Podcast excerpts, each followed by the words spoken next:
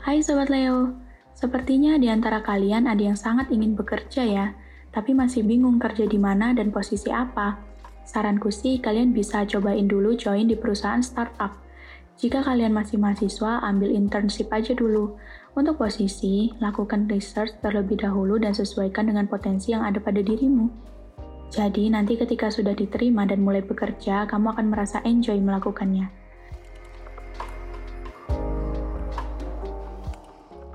Percintaan untuk Sobat Leo Lovebird.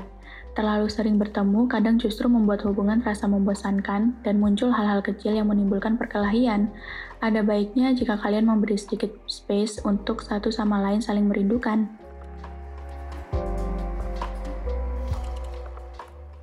Percintaan untuk Sobat Leo yang masih single. Teman-temanmu begitu royal kepadamu. Bersyukurlah kamu memiliki circle pertemanan yang sehat yang diidam-idamkan oleh orang lain.